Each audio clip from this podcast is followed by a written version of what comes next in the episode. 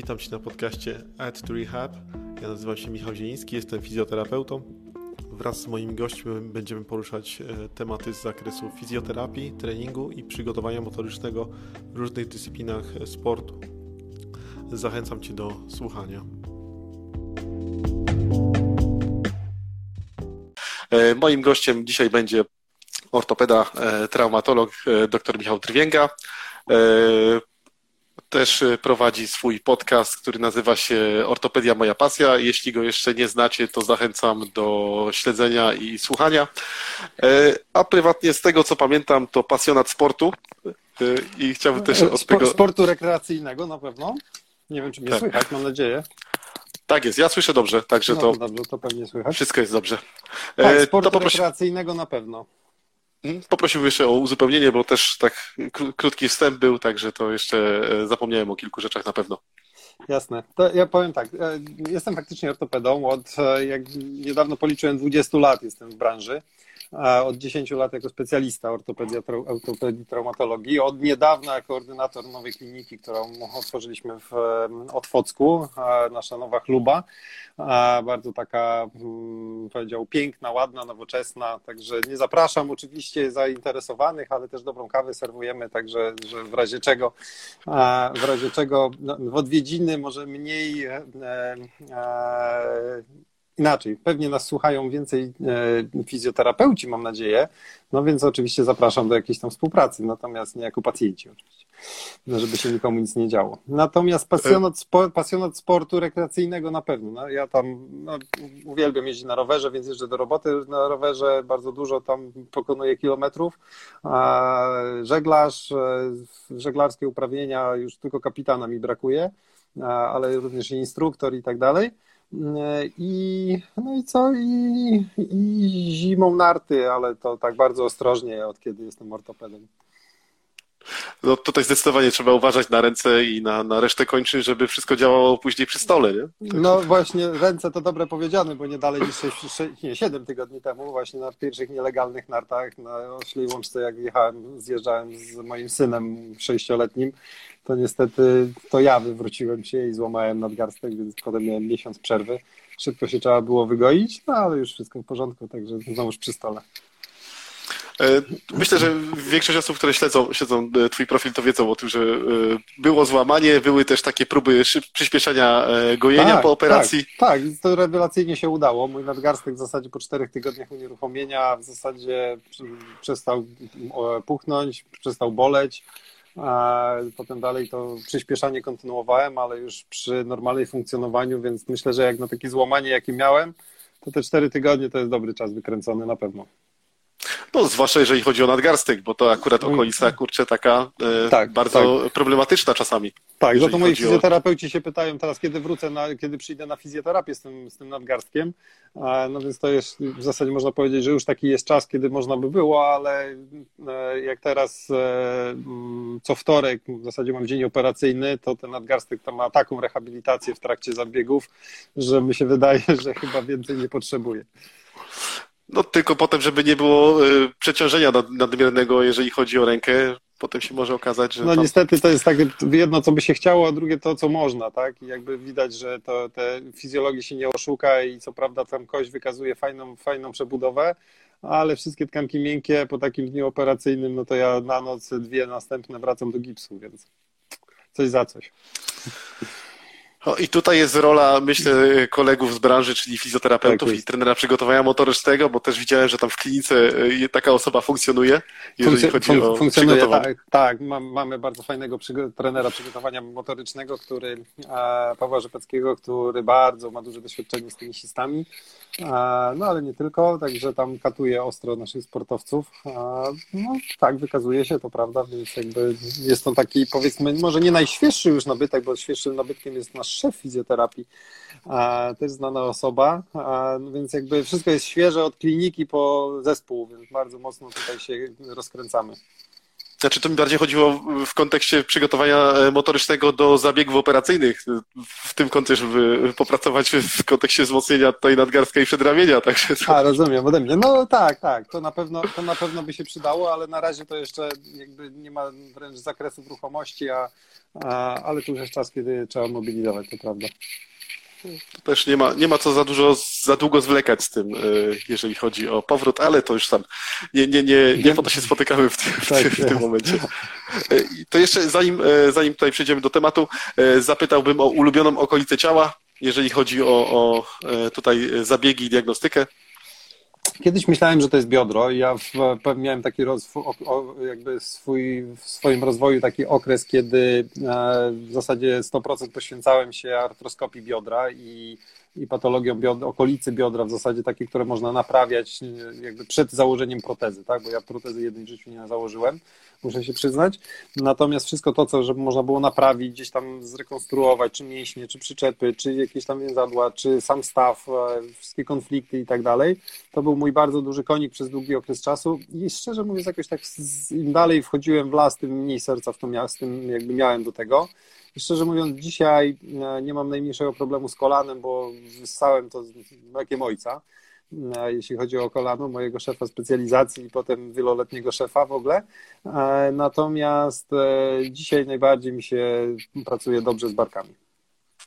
No, no to w sobie staw podobny, ten kulisty, ten kulisty, czyli ten biodro kulisty, i bark. Tak, to... tak jest, tak jest. Także barki też, znaczy barki dzisiaj mają mniej tajemnic przeze mną, jakoś tak bardziej je przewiduje, tak? Natomiast po leczeniu stawu biodrowego czasem te, te wyniki mnie zaskakują i to, to mi się nie podoba do końca.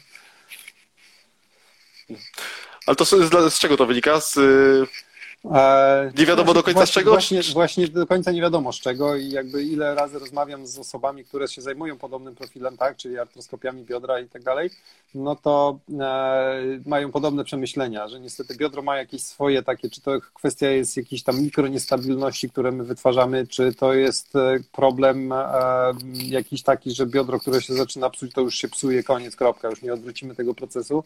Nie wiem, nie rozumiem tego do końca.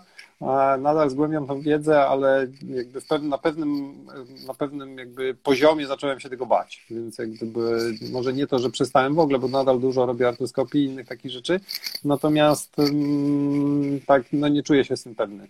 Tak? Jakby bardzo mocno jakby zacząłem powiedzmy wybierać pacjentów do jakby przy kwalifikacji takiej żeby, żeby mm, powiedzmy nie wychodzić poza ramy, to co robimy czasem w kolanach, czasem w barkach, bo wiemy, że okej, okay, dobra, to nie są stuprocentowe wskazania, ale ja wiem, że to się uda, to tutaj już takiej pewności nie mam i tutaj jak jest 2 mm, to ma być 2 mm, jak jest deformacja, to ma być deformacja, jak jej nie ma, to ma jej nie być, koniec. I jakby tylko pod takim względem a, e, mm, tak, widzę, że się pojawiły ten komentarz, te, też widzę, także spokojnie tutaj. Tak, przeczytałem właśnie, trochę zawiesiłem głos, bo przeczytałem sobie komentarzyk pana Bartosza.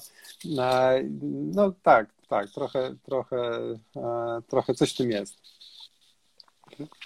No tutaj y, też jeżeli chodzi o pytania, to ja, że tak powiem, będę tam trzymał rękę na pulsie i zostawimy to w ostatniej części, bo tam kilka pytań było, jeżeli o to chodzi. Y, i tutaj jeszcze chciałbym zapytać y, odnośnie samej współpracy, jeżeli chodzi o tutaj lekarza i fizjoterapeutę, bo teraz na szczęście to jest coraz bardziej spotykane i na, e, że tak powiem, normalnych relacjach, ale swego czasu, jak ja zaczynałem pracę, to e, lekarz e, ortopeda był kimś w ogóle niedostępnym tak naprawdę i on uważał, że zrobił dobrze, a dalej nie miał podejścia, jeżeli chodzi o to, co można zrobić, jeżeli chodzi o samą rehabilitację i powrót do, do, do zabiegu, znaczy powrót po zabiegu, czy nawet samo przygotowanie do zabiegu, bo to też jest teraz coraz częściej na to się zwraca uwagę, nie? Jasne. No ja, takie, takie, znaczy ja bardzo cenię sobie współpracę z fizjoterapeutami, zresztą ja się wychowałem w ośrodku, gdzie na pięciu lekarzy było 16 fizjoterapeutów a, i mieliśmy co piątek odprawy takie, one się ciągnęły w nieskończoność, bo każdy pacjent po kolei był omawiany, co, kto i tak dalej. Potem już przy większej skali to przestało być wykonywalne wręcz. E, więc jakby gdzieś tam, tak żeby wszyscy sobie siedzieli i gadali o, o jego jednym pacjencie, tak, więc to zaczęło być w podgrupach, więc jak gdyby gdzieś tam każdy lekarz po kolei z, z fizjoterapeutami sobie to omawiał.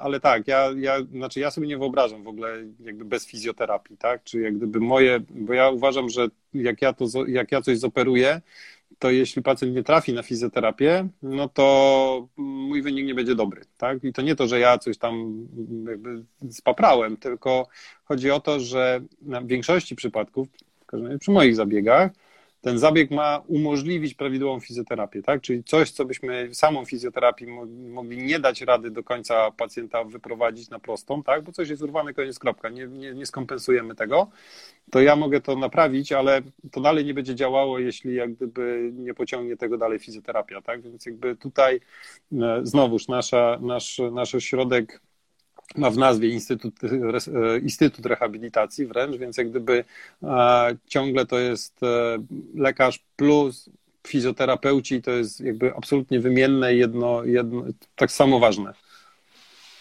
No to też jest ważne, że w końcu się na to zwraca trochę większą uwagę, bo kurczę, tak jak kiedyś słyszałem też ładne stwierdzenie, że ten cały, e, cały zespół e, i to, co się dzieje z pacjentem, to jest podzielone 30-30-30, czyli e, ortopeda robi swoje 30%, my jako fizjoterapeuci robimy swoje 30% i całą resztę musi zrobić pacjent. No, też musi mieć świadomość, że za no, niego nie załatwimy sprawy. Ale rzeczywiście, że tak. Bo pacjent nie chce, to na niej, że tak powiem, i, i zabieg źle wyjdzie i, i fizjoterapii nigdy nie, jakby nie pokona, tak? No bo za, za niego się wszystkiego nie da zrobić. Oczywiście tutaj a, są na pewno a, przeróżne podejścia do fizjoterapii, bo są fizjoterapeuci manualni, którzy twierdzą, że wszystko zrobią za pacjenta w zasadzie, co oczywiście jest poniekąd prawdą, ale nie do końca, ale pewnie tutaj ja nie chcę wchodzić na grząski grunt, bo wiem, że to jest grząski grunt, więc jak gdyby tutaj ja, ja, ja cenię sobie jakby, jakby indywidualne podejście do pacjenta, bo jeden wymaga tylko tego, a inny wymaga kompletnie czegoś innego, więc jakby tutaj, tutaj na pewno nie ma jednoznaczności i pewnie nie będę się wypowiadał absolutnie. Znaczy, no generalnie, jeżeli chodzi o środowisko fizjoterapii w Polsce, to ja nie wiem dlaczego to jest śliski grunt w ogóle i skąd ta taka, powiedzmy, wewnętrzna przepychanka tego, nie mam pojęcia. Ale, ale trochę tak jest, nie? Swoje. Że jakąś tam metodę swoją wyznaje bardzo często i trudno przekonać do, do, do, do, no nie wiem, że akurat może ten pacjent trzeba, wymaga czegoś innego, nie? No ale to już taki, myślę, że im, im ktoś bardziej świadomy, tym, tym, tym ma takie poczucie, że, że, że nie da się jednym rzeczą zrobić wszystkiego.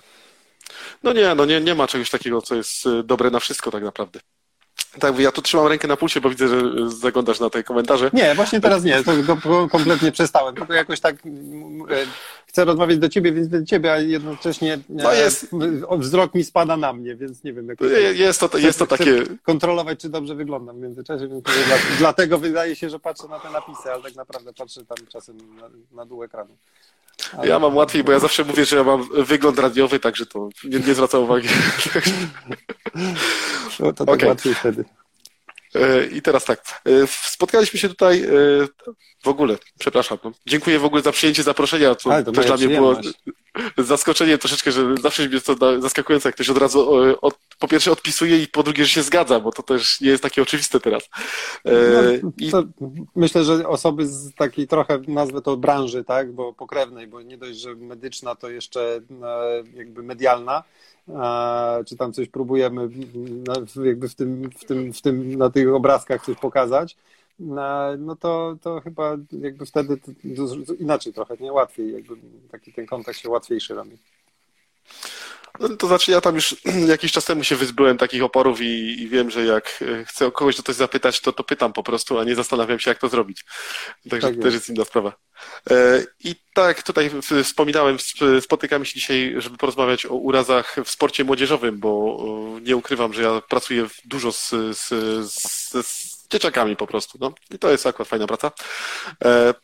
I chciałbym zapytać, jak widzisz, jaki jest przyrost największych urazów, jeżeli chodzi teraz o dzieci i młodzież, bo też mam swoje przemyślenia na ten temat, a chciałbym zapytać, jak to wygląda od strony e, tutaj ortopedów.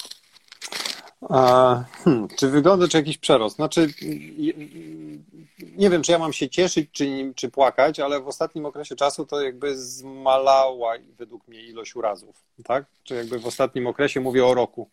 Ale to też jest związane z sytuacją, myślę, że globalną i no, wiadomo, tutaj wi też covidową. Wiadomo, wiadomo o cześć Ola, wiadomo, wiadomo o co chodzi. Natomiast, e, e, natomiast e, ja w gabinecie, o ile swego czasu bardzo dużo jakby miałem takich jakby nastolatków i no, dzieci, znaczy w ogóle generalnie ilość urazów dzięki, dzięki, o to może jedyne co, właśnie pytanie czy to dobrze, dzięki COVID-owi zmalało, no bo ludzie się mniej, jakby są mniej aktywni, mniej jest tych przeciążeń, mniej jakichś treningów i tak dalej i też to jakby przekłada się na urazowość i jakby przeciążenia u, u dzieciaków, więc e, oczywiście to jest sztuczne, no więc, nie wiem, czy jest sens jakby nad tym się rozwodzić, że jest akurat ich, ich mniej, prawda? Natomiast, e, natomiast e, mm, na pewno jeśli byśmy globalnie podeszli, to różnych mm, przeciążeniowych rzeczy u osób, które coś intensywnie trenują, no bo nie mówimy, że tam raz ktoś pojechał na narty, czy, czy jeździ sobie na rowerze po prostu tam, nie wiem, do szkoły i z powrotem, prawda, ale ktoś intensywnie trenuje, to już mówimy o jakimś tam piłkarzu, czy ktoś, kto regularnie chodzi na treningi, czy, czy, czy, czy jeździ na nartach, czy pływa, cokolwiek, to tych przeciążeniowych rzeczy na pewno spotkamy tutaj bardzo dużo i mm, no i to jest kłopot, bo ciężko takiego dzieciaka wyłączyć z e, aktywności. On tak naprawdę trochę się sam wyłącza, no bo go boli, ale takie rzeczy się długo goją i jak się mówi rodzicowi nawet, a bardzo często to jest jakiś tam tata, który jest bardzo zaangażowany w aktywność swojego syna, e, że no tak, ale tutaj trzy miesiące to jest niewyjęte, tak? Jakby ćwiczeń fizjoterapii, odciążenia, kompensacji i gojenia no to w ogóle wróg publiczny się człowiek staje numer, numer jeden, więc e, no, no, bo doktor tam trzy miesiące każdy się leczy, zamiast od razu coś poradzić tabletką. To znaczy, no tutaj, jeżeli chodzi o te urazy przeciążeniowe, no to też jest e, temat bardzo skomplikowany, bo to jest wszystko kwestia, jeżeli ktoś pracuje, e, ćwiczy w klubie, to jest kwestia monitoringu i wprowadzania obciążeń i progresji ćwiczeń, także to też jest temat bardzo dyskusyjny.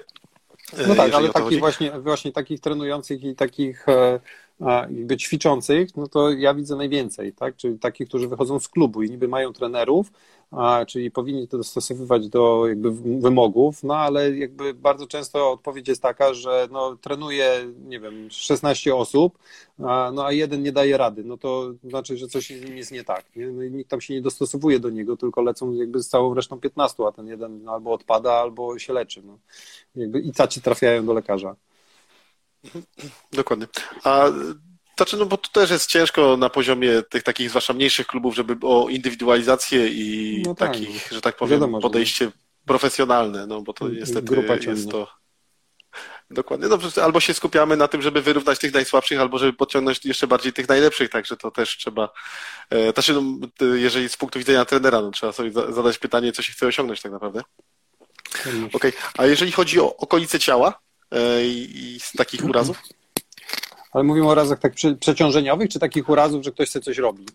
No bo tutaj bo to dzielić można we wszystkie strony, nie? Czy to mhm. bardziej jest jakaś tam grupa, e, jaka grupa, co, jaki, jaki, jaka, e, jaka dyscyplina sportowa, jakby co robi, czy mówimy o urazach gdzieś tam sportu rekreacyjnego, więc jakby to jest jakby pod takimi różnymi kątami możemy sobie to, mhm. to, to określać, czy to są takie ostre urazy, które nagle coś, czy to są właśnie przeciążenia, nie?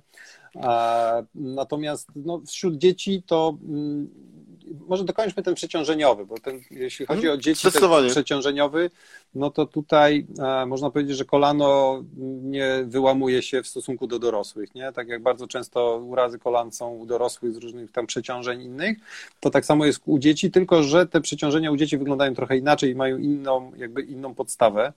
E, wynika to głównie z tego, że w okolicy e, wzrostu nie tylko kolana, ale innych elementów czy kości dziecka jest coś, co się nazywa chrząstki wzrostowe i to jest coś, co jest bardzo łatwo przeciążyć, tak?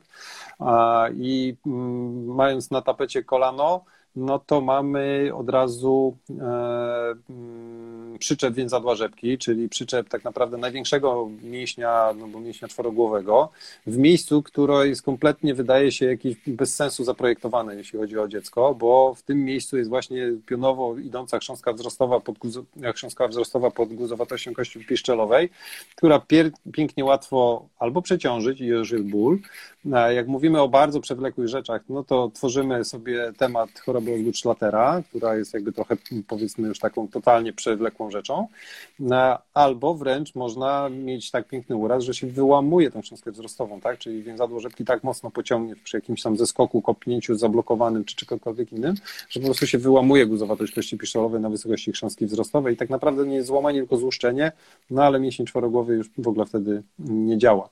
Więc choroby przeciążeniowe, czy zmiany przeciążeniowe w obrębie jakby chrząstek wzrostowych to jest taki, można powiedzieć, u dzieci numer jeden i, i, i to jest częsta rzecz. Oczywiście nie jedno kolano, tak, bo mamy piętę, gdzie jest przyczep znowuż dużego mięśnia, czyli łydki, tak, czyli mięśnia trójgłowego i, e, i e, mm, guzowatość kości, czy guz kości piętowej, gdzie się taka piękna lokalizuje choroba, nazywa się choroba Severa, nie? I to znowuż nic innego jak przeciążenie na wysokości chrząstki jednostki wzrostowej kości piętowej. I znowu, te dzieciaki nie mogą biegać, nie mogą skakać, nie mogą się wybijać i tak dalej, i tak. Ale muszę powiedzieć, że nawet w ostatnim miesiącu miałem trzech pacjentów pod rząd, to tak nomen omen, trzech, pod, trzech pacjentów pod rząd z przeciążeniem, uwaga, zginaczy uda, czy zginaczy kolana, czyli jakby przyczep mięśnia, mięśnia dwugłowego, półbłoniastego, wspólny do guza kości kulszowej, tak? czyli no, ból w pośladku de facto, nie? I obrzęknięty cały, e, obrzęknięty cały guz kości kulszowej, tam jest też szczątka wzrostowa na, na, jakby na jego przyczepie I, i ból taki, że wręcz można powiedzieć nie są w stanie skłonu zrobić, tak? Więc jakby to też można przyjąć. Czyli w zasadzie każde miejsce, które mamy u dzieciaka, gdzie jest wzrost, a jest przyczep mocnych mięśni, tak? No bo zginacze znowu, hello, ostry przyczep, E, mięsień czworogłowy czy łydka, no to są wszystko duże partie mięśniowe, które przyczepiają się do bardzo delikatnych miejsc. Nie? Co więcej, tak jak powiedziałem o tym złamaniu guzowatości kości piszczelowej, czy tym złuszczeniu, bo jeśli jest jakby na wysokości chrząstki wzrostowej, to nie jest złamanie, tylko złuszczenie, to tak samo się dzieje w guzie, kości, w guzie na guzie kości kulszowej. Może cały ten fragment po prostu odsunąć się od właściwej części kości. Bardzo często pomijane, jeśli chodzi o leczenie. A dobra, tam odsunięte to się wygoi, to jest jakby nie do końca taka prawda.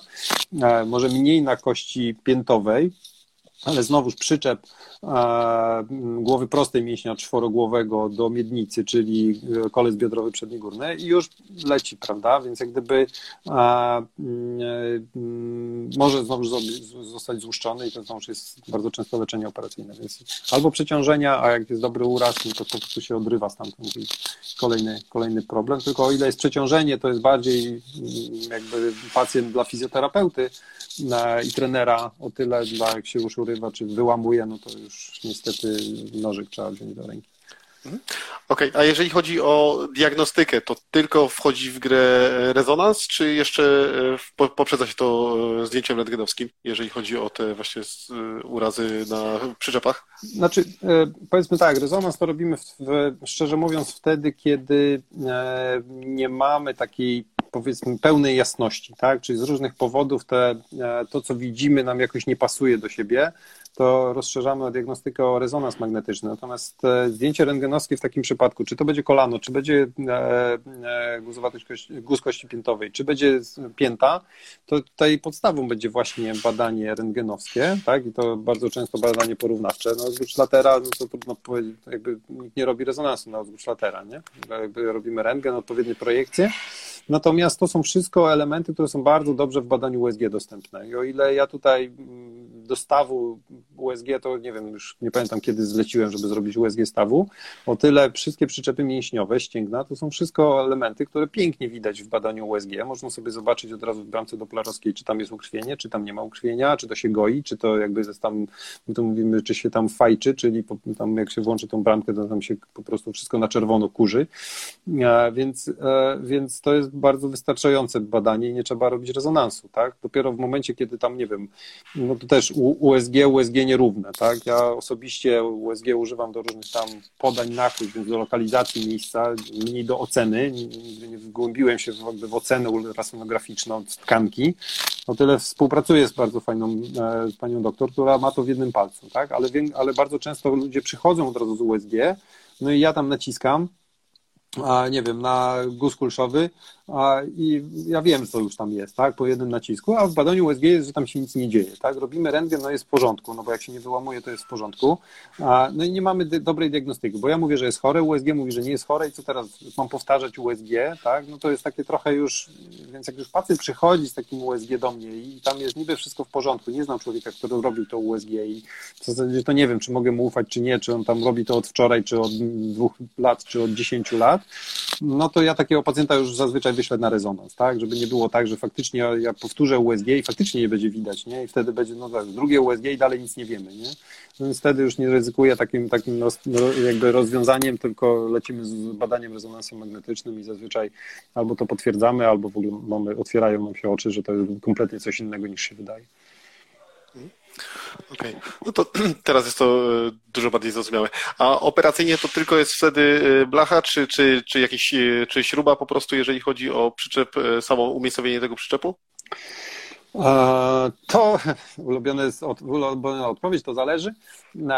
To jest tak, że jeśli nam, się przyczep, jeśli, jeśli, nam się przyczep wyłamuje, tak, czyli nie wiem, guzowatość się wyłamuje już całkiem, nie wiem, odrywa się guz kulszowy, odrywa się kolec biodrowy, to takie rzeczy e, jakby z tych trzech, które wymieniłem, to nigdy blacha, bo to jakby nigdy na blachę nie ma miejsca to nie kość, nie kość długa, która gdzieś tam jest jakby na trzenie złamana. E, tutaj to się przykręca śrubkami, tak jakby kawałek mm, wiem, deseczki przykręcić do deseczki, tak? Czyli jakby przekręca się śrubami z dużymi podkładkami, żeby tam jakby przyczep mieścinisty jakby przy, e, e, jakby no, przy, przy, przymocować. Natomiast to jest faktycznie wtedy, kiedy to się wyłamie. To jest zdecydowanie rzadziej niż wtedy, kiedy oni przychodzą biedni i to choruje. Nie? I teraz pytanie jest, jakby, jak my możemy, czy my mamy to operować, jak to choruje? Oczywiście nie, no bo to nie jest nic do zoperowania. Natomiast często jakimiś tam naszymi iniekcjami dodatkowo podawanymi mamy szansę tam pobudzić to gojenie. Tak? Wiemy, przyczepy i to wszystko, niby chrząstka wzrostowa to jest bogate unaczynienie, ale jak gdyby, jeśli my to jeszcze gdzieś tam troszeczkę zastymulujemy, to, to mamy szansę na przyspieszenie tego procesu. I z jednej strony wszystko to, co robią fizjoterapeuci, z drugiej strony, jeśli tam jakieś tam, oczywiście pytanie, czy ktoś to wierzy, tak, ale jak podamy PRP, czy inne tam te wszystkie wyciągi krwiste, no to jest szansa, że to tam jeszcze się pobudzi, a już na pewno w głowie i pacjenta, i jego taty jest, że to już tam się coś dzieje, że więc jakby to napędza też dodatkowo jakby tą, tą taką psychiczną, psychiczną e, e, część, czy psychiczne nastawienie, że o, teraz to już się będzie goiło, więc on też się inaczej zupełnie mobilizuje do tego. Nie, nie jest załamany, że musi trzy miesiące, tylko że o, teraz już się będzie goiło. Więc jakby nie wiem, czy działa miejscowo, ale w głowie na pewno. To, to, to, też jest, kurczę, bardzo dyskusyjny temat, jeżeli chodzi no, o oczywiście, skuteczność. Ależ oczywiście, że tak. Dlatego ja tutaj nie, nie mówię, że a, tu podaję PRP i już niepotrzebna jest fizjoterapia i wszyscy są wygojeni. Absolutnie jestem daleki od tego. Natomiast myślę, że tych kilka punktów uchwytu, tak, od fizjoterapii przez jakieś tam postępowanie, przez odpoczynek, przez rozciąganie, przez ekscentrykę, przez, a, przez e, moje jedno wbicie igiełki z podaniem tam czegokolwiek, a, to wszystko ma jakby i dobre słowo jeszcze i psycholog i to wszystko będzie wtedy dopiero działało do kupy. O, to też jest ciekawe, co powiedzieć. A psycholog kiedy wchodzi w ogóle u Was w instytucie, jeżeli chodzi o pracę? Bo to też y, coraz bardziej się na to zwraca uwagę, na to przygotowanie mentalne i podejście mentalne do, do młodych sportowców zwłaszcza, nie? Jak tam jest większe obciążenie i większa presja? E, nie mam takiego doświadczenia dużego niestety. Nie, nie, nie współpracujemy w tej chwili z e, psychologiem, który tak by był na stałe, że tam jakby trochę mam wrażenie, że, że na, za, za małym organizmie na razie funkcjonujemy, żeby mieć jak gdyby na, na, w jakiś sposób na stałe z współpracy z psychologiem. Ja nawet jak pracowałem w większej firmie, to zawsze ta współpraca z psychologiem wyglądała tak, że on zawsze twierdził, że ma za mało roboty, mimo że tak na dobrą sprawę mi się wydawało, że każdy, co drugi pacjent, który był u mnie, to co, jak nie psycholog, to psychiatra, no to jakby to nie było aż takiego, takiego przełożenia na jego pracę i zawsze nam się te, te, ta współpraca zawsze gdzieś rozjeżdżała, tak? Więc ja mam trochę gdzieś tam świadomość, natomiast, natomiast no nie, nie mogę powiedzieć, żebym był jakimś takim powiedzmy orłem współpracy z, z jakby z psychologiem, nie, nie mam tutaj. Dużo więcej widzę problemów na bazie czy jakby na platformie reumatologa, endokrynologa i tutaj może coś ciekawego, bo na przykład bardzo dużo jest dziewczynek, które zgłaszają się też aktywnych bardzo, specjalnie mówię dziewczynek, bo to częściej dziewczyny, oczywiście chłopaków to nie, jakby nie omija, ale zdecydowanie częściej dziewczyny, które zgłaszają się z problemem kolana, coś ich tam boli. Aktywne, biegają, coś tam boli, nie? I sprawdzamy to kolano we wszystkie strony i tam nic nie ma, tak? Ból jest po przyśrodkowej stronie rzepki, kompletnie zero innych objawów, pada rozpoznanie V przyśrodkowy, tam plika mediopatellaris, no i to tam zazwyczaj znowuż fizjoterapia, leczenie przeciwzapalne. Natomiast mamy sprawdzone i przedreptane ścieżki, gdzie my takie dziewczyny, które oczywiście to wszystko ma związek z tym, że ona albo za chwilę zacznie miesiączkować, albo właśnie zaczęła, albo coś tam, te hormony są rozjechane. Mamy, współpracujemy z fajnym ginekologiem, endokrynologiem, który w ogóle nie zajmuje się dziećmi, ale na nasze zlecenie, jak ma napisane kolano od X doktora, to przyjmuje i ustawia te dziewczyny na, na jakiś tam, oczywiście bada wszystkie te hormony, coś tam jakąś swoją ścieżką, ja już się tym jakby przekierowuję do niego i można powiedzieć się nie interesuje. I te dziewczyny nie wracają, tak, czyli jak gdyby, no nie jest tak, że doktorze dalej mi to kolano boli, nie, jakby ja sprawdzam, nic się nie dzieje, nie ma żadnego OCD, nie ma nic, nie ma uszkodzenia łąkotki, chrząstka jest ok, łąkot, rzepka super stoi i tak dalej, mamy ją pod opieką fizjoterapeutyczną oczywiście, no bo to jest jakby znowuż coś, co, czego nie, nie przeskoczymy, natomiast ten endokrynolog robi swoje, ginekolog, endokrynolog i one dostają jakąś czarodziejską tabletkę, przestają kolana boleć, tak, i znowu są aktywne, więc jakby tutaj znowu ta część taka przeciążeniowo-hormonalna, bo obrzęknięta jest błona madziowa, która ociera i, i przez to wszystko a, daje dolegliwości bólowe, no to też jest jakaś tam a, forma dla mnie magii oczywistej, jakby takiej nieoczywistej. Znaczy, to, to też e, ciekawe, bo kurczę, to też e, często się te dziewczyny e, męczy ćwiczeniami bardzo mocno, żeby poprawić tą stabilność i tutaj miednicy i kolana, bo to też nie ma co ukrywać, że no, ja się zawsze śmieję, że fabrycznie dziewczyny mają troszeczkę gorzej, jeżeli chodzi o przeciążenie tego kolana przez ustawienie tutaj biodra i, i miednicy i mają dużo trudniej, jeżeli chodzi, są bardziej narażone na, na ryzyko urazów, czy to więzadła krzyżowego, czy, czy łąkotki. E, dlatego też może to też jest jakaś ciekawa droga, e, oprócz tych ćwiczeń, które są wymagane, jeżeli chodzi o stabilność i, i tutaj pracę ze strony tenera i fizjoterapeuty, żeby jeszcze pokierować do e, endokrynologa. No, także to... Tak jest, endokrynologa, ale bardzo często i reumatologa, bo jakby bardzo wiele osób, oczywiście światłego reumatologa, nie taki, co tam zbada, nie wiem, OBCRP i powie, że nie ma reumatyzmu, tak, bo to taki, taki to nie, ale taki, który jak gdzieś tam się pochyli, poszuka, pogrzebie w rodzinie, jakieś tam, oni też bardzo często wy, wy, jakby wy, wyciągają jakieś, e, jakieś e, takie powiedzmy ciekawostki, a, a już, e, to już pewnie, nie wiem, ci, kto mnie znają, to zaraz się uśmieją, ale E, coraz częściej widzimy problemy wręcz kwasu moczowego u dzieci, tak? Nie wiem, czy przez to, że tam jedzenie jest byle jakie, czy, czy, przez, czy dieta jest taka, a nie inna, bo mam nadzieję, że piwa nie piją, ale ale jeśli przychodzi dzieciak, bolą go kolana, szukamy, nic się w ogóle nie dzieje, a potem nagle wysyłam go na badania krwi, no bo szukamy dalej, tak, jakie przygotowanie dla reumatologa, no nie wysyłam po prostu, tylko robię jakiś tam pakiet podstawowy, a tam jest, nie wiem, u 14-12 latka kwas moczowy 10, no to, to jest coś nie tak wtedy, nie? No i, i jakby dlaczego go ma to kolano nie boleć tak naprawdę, nie? Nawet nie jest spuchnięte, ale przyczepy, wszystko jakby wszystko się, wszystko tam się coś powiedzmy zapala cały czas. No, no i, i znowuż tutaj interdyscyplinarne postępowanie, więc ja się czuję taki trochę czasem, że przychodzą, ja nie znajduję powodu do choroby, na, czy do bólu, tak, no bo te struktury, które jestem w stanie ocenić, zobaczyć na obrazkach, gdzieś tam pokierować, no to nie, dla mnie tu nie ma roboty, tak, nic nie ma się, nie da się co zoperować, no to lecimy dalej, nie? Z jednej strony fizjo, z drugiej strony wszystkie inne specjalności no, po kolei, tylko właśnie nie zawsze można ją dobrać, nie? bo pół biedy, jak coś tam naznaczymy na sam początek, ale już mamy przedrepaną, przed, przedreptaną ścieżkę, wiemy, ok, tu fałdzik to ginekolog, tu to coś, tu kwasik to ten, natomiast no, czasem jest tak, że ktoś przychodzi, sprawdzamy, wszystko jest super i tylko wtedy nadzieja fizjoterapii, no to już nie ma wtedy innej nadziei. No to też jest fajne, że jak ktoś przychodzi, to nie załamujesz rąk w sensie, że nie ma roboty dla mnie, proszę szukać dalej, tylko jakieś tam ukierunkowanie, nie? że albo ten reumatolog, albo y, ginekolog.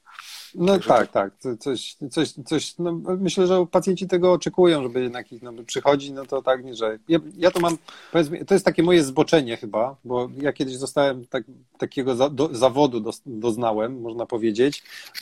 W, jeszcze jak nie byłem nawet, nie byłem wtedy gdzieś jakieś początkowe liceum, nie wiem, jakieś tam sercowe kłopoty. No i a, jakiś tam doktor mi powiedział, że e, no, taki pierwszy kontakt, no, to ja muszę zrobić tam echo serca i, i udać się do kardiologa. No to niewiele myśląc, poszedłem do kardiologa, patrzę, robię echo serca, tam mnie tam mama zapisała, zaprowadziła, już nie pamiętam. E, on był kardiolog, on robił echo serca, e, bo ten, który mnie kierował, no to tam lekarz rodzinny, tak? Mówię, no to dalsze leczenie, nie wiem, cokolwiek, no to tam u kardiologa.